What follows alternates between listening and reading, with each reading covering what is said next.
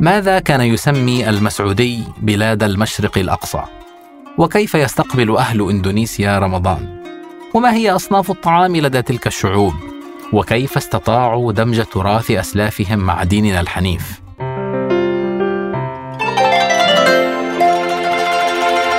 تنوين بلسان عربي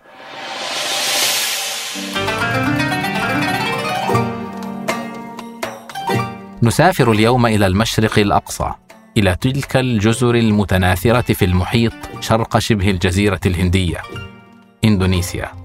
والاسم هذا اسم حديث مشتق من إندوس باللاتينية أي الهند وإيس المحرفة من إيست أي جهة الشرق فتكون جزر الهند الشرقية أو كما سماها المؤرخ والجغرافي المسلم المسعودي بلاد المهراج قبل أكثر من عشرة قرون.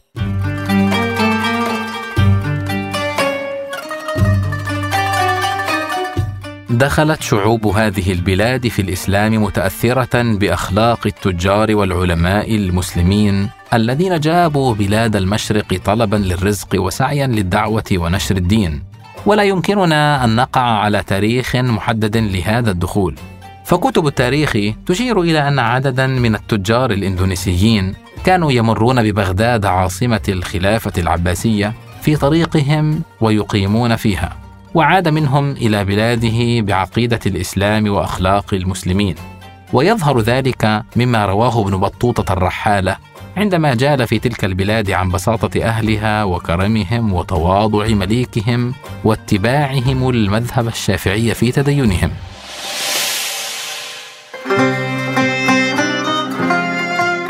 مع قدوم شعبان يقام سوق كبير في العاصمة جاكرتا لبيع كل ما تحتاجه الأسر المسلمة من أطعمة وألبسة وهدايا. ومما اعتاد عليه أهل تلك البلاد زيارة المقابر في شعبان. فيزور الكبار والصغار قبور أقاربهم ليعرفوا أبناءهم على مواضع القبور وينظفونها كنوع من أنواع الموروث الاجتماعي. وما أن يهل رمضان حتى تتبدل أنماط معيشتهم وتتغير بصورة كبيرة ويصبح شاغلهم الأول على مدى أيام الشهر العبادة وتلاوة القرآن والإكثار من ارتياد المساجد.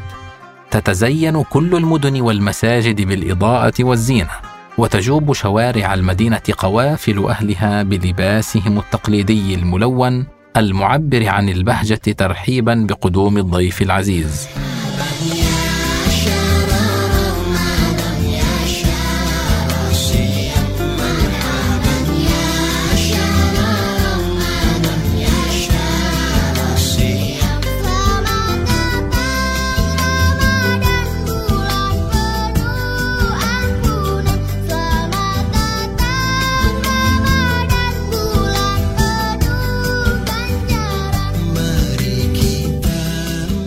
تستقبل إندونيسيا الشهر الكريم بقرع الطبول التقليدية المعروفة باسم البدوق.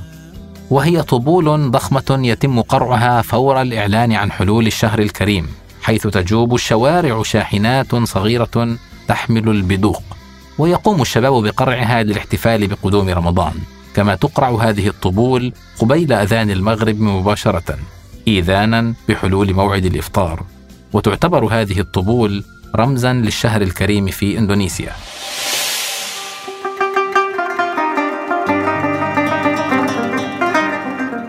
الذي يعجبك إذا خالطت أهل المشرق الأقصى سلاسة دمج تقاليدهم وقبولها وتبادلها مع غيرهم. أبقى الإندونيسيون عادات وتقاليد ورثوها من أعراقهم المختلفة في ممارساتهم اليومية ومنها التعبدية.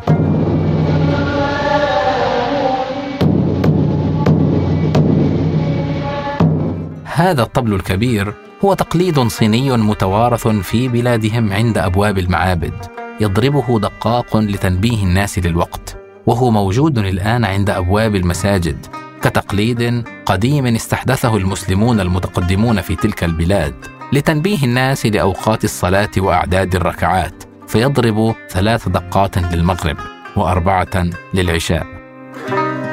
يستحدث أهل المشرق نمطا سلوكيا روحيا على هامش النص الديني للعبادات التوقيفية ويحولها إلى ثقافة شعبية راسخة. فرمضان بكل تقاليده الدينية والاجتماعية هو مناسبة يحتفون فيها ويحتشدون ابتهاجا بها. بمثل هذه الثقافة الشعبية يتوارث الناس ارتباطهم بهذه العبادات جماعيا ويندمجون بها عاطفيا. ويملأ عليهم فضاؤها فراغات في نفوس بعضهم التي لم تستطع فهم العبادة ومواقيتها وأفعالها ودواعيها.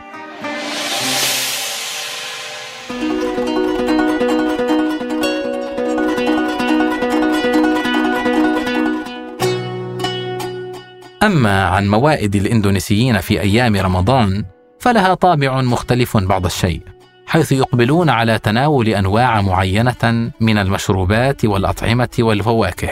ويبدأ الصائمون إفطارهم بأنواع مختلفة من المشروبات مثل شراب الشمام وحساء الموز المطبوخ مع جوز الهند والسكر الأحمر. ويحتل الأرز مكانا رئيسا على موائد الإندونيسيين سواء في رمضان أو في شهور السنة الأخرى. ويقدم في صور عديدة أشهرها الأرز المسلوق الأبيض والأرز المحمر. ويقدم إلى جانبه الأسماك أو الدجاج أو اللحوم.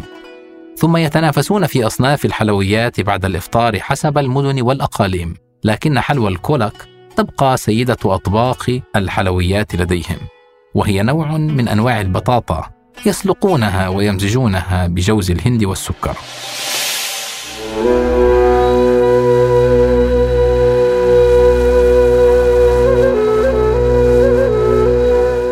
أما عن ليالي الاعتكاف فالمساجد تمتلئ في العشر الأواخر كأيام الجمعة ويقضي المصلون أوقاتهم بين ختم القرآن في المساجد الكبرى وحلقات للصغار والكبار لتحفيظه ودروس دينية بين الصلوات الخمس وأثناء التراويح.